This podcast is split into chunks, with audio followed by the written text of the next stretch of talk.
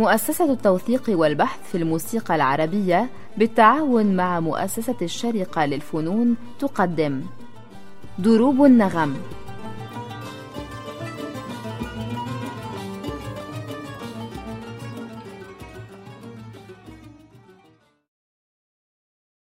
التخت الشرقي.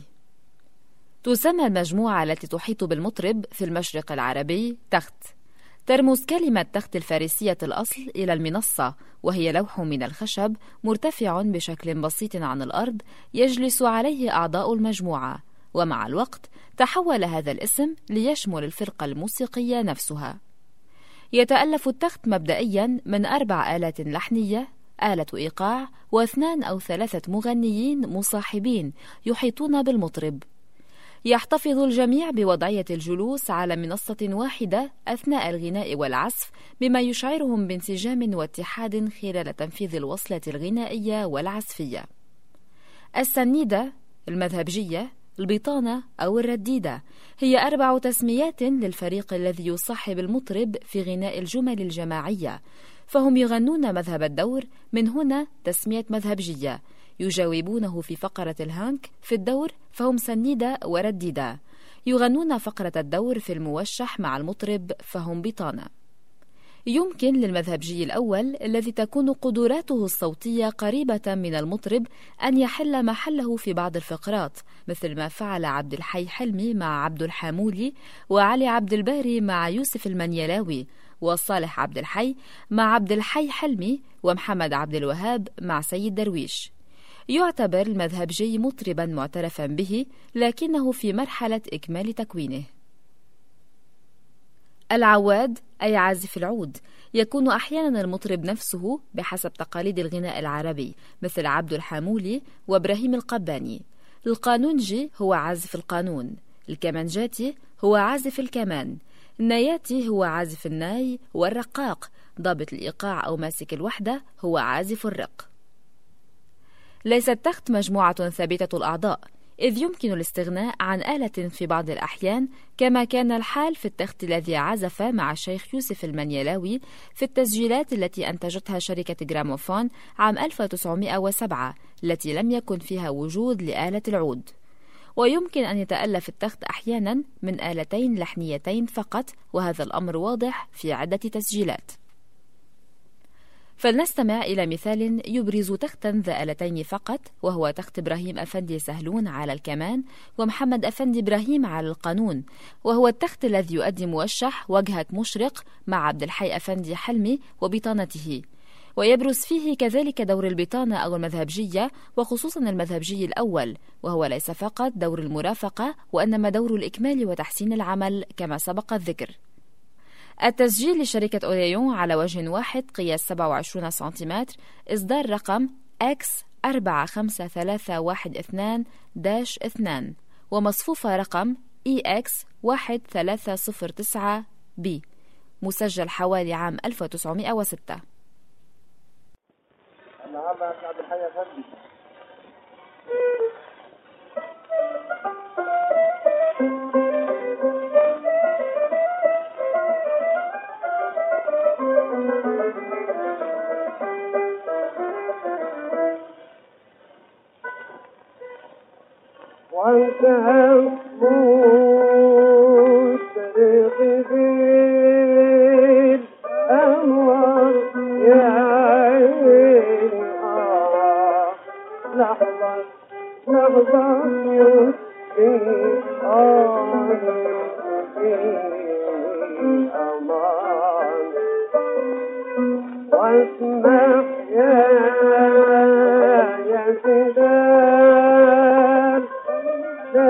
Yeah.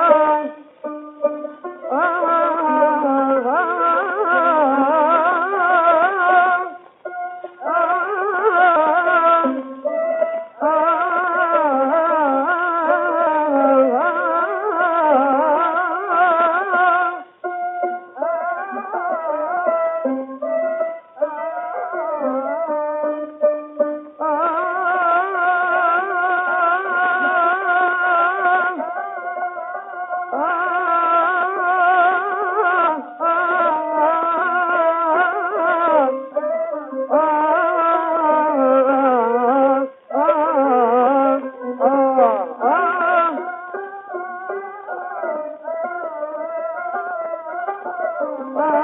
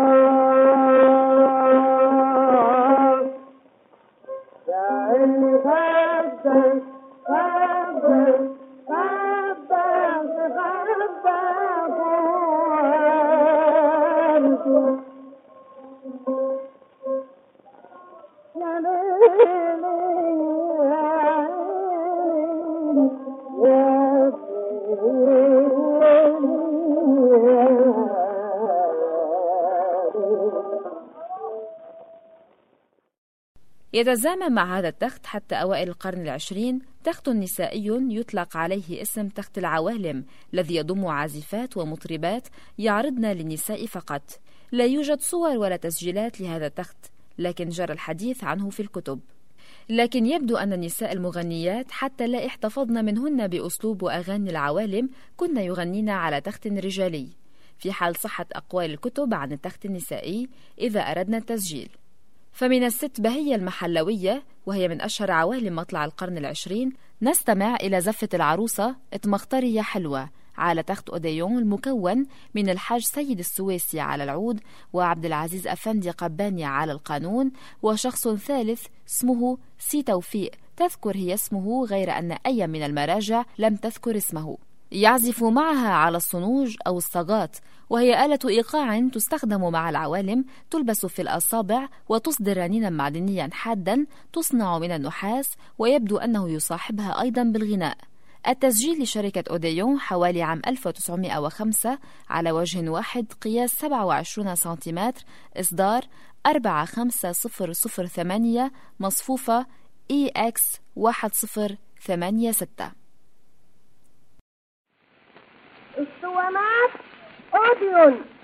من فضلك يا أسطى هي محلوية جبت لنا العروسة يا حبيبتي. من فضلك يا سي توفيق يا روح.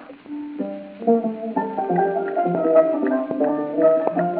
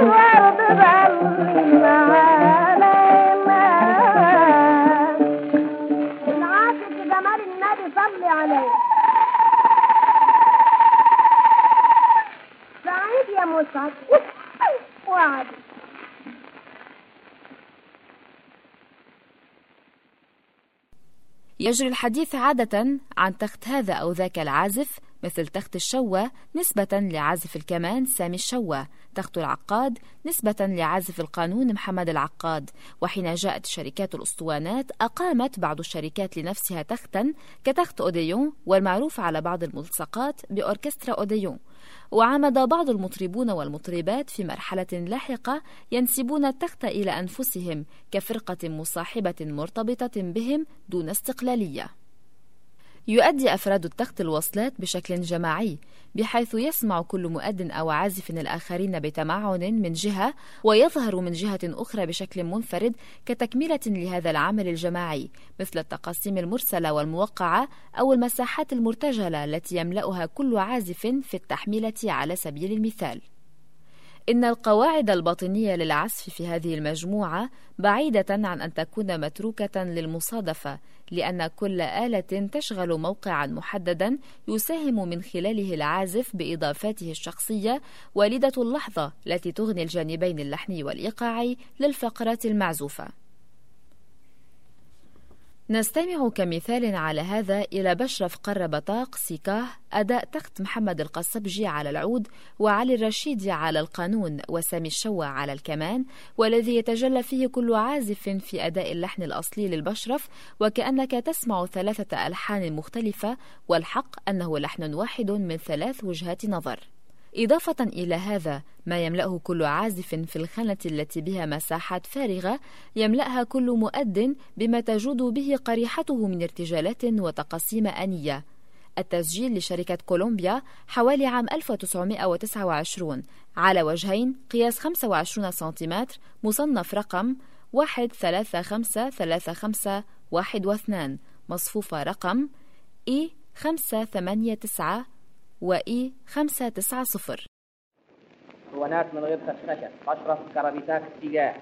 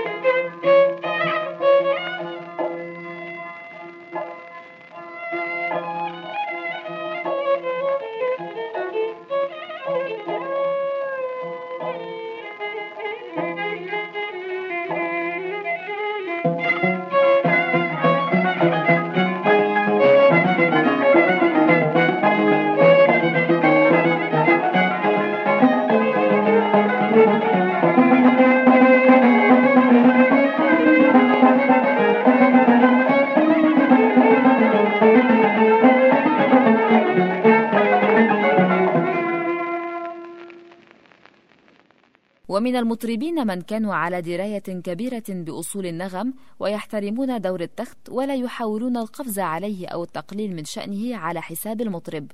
ومن هذه النماذج الشيخ السيد الصفتي ونستمع منه إلى أسطوانة سجلت لشركة فيدافون حوالي عام 1910 على تخت سامي أفندي الشوى وعبد الحميد أفندي القضابي وعلي أفندي عبد صالح. وهي على قصر مدتها فهي مسجلة على وجهين قياس 27 سنتيمتر أي لا تتجاوز الدقيقة الثامنة تحوي دولابا أي مدخلا عزفي ثم موشح والذي أسكر المأخوذ من خارجة موشح أيها الساقي نظم لسام الدين بن الخطيب والمنسوب لحنه لأبي خليل القباني ثم سماع دارج بياتي مجهول المؤلف ثم تقسيم ليالي وعلى الوجه الثاني موال الحب من الحب.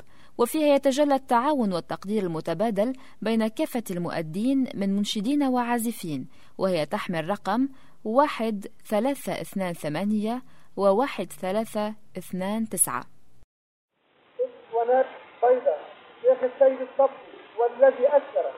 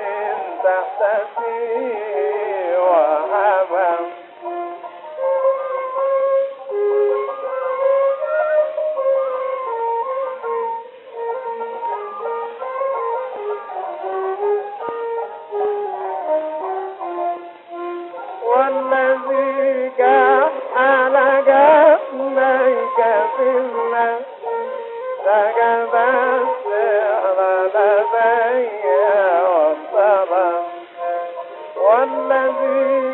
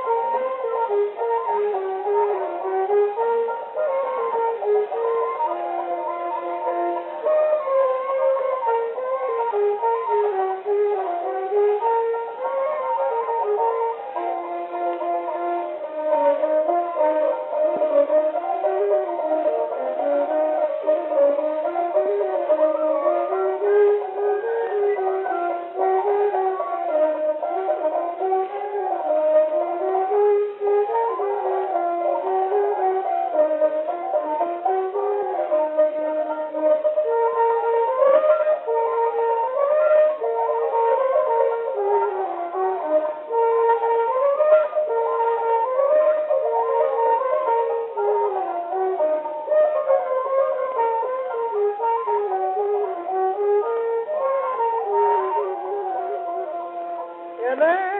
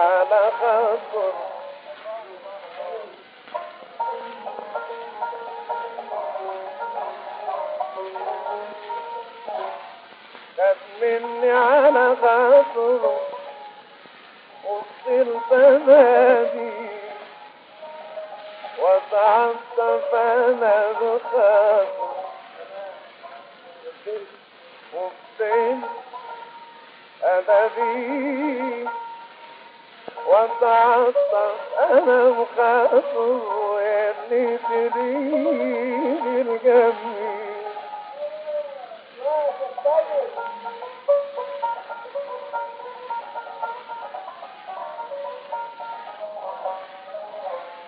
يا اللي تريد الجميل فيه وعلى خاطر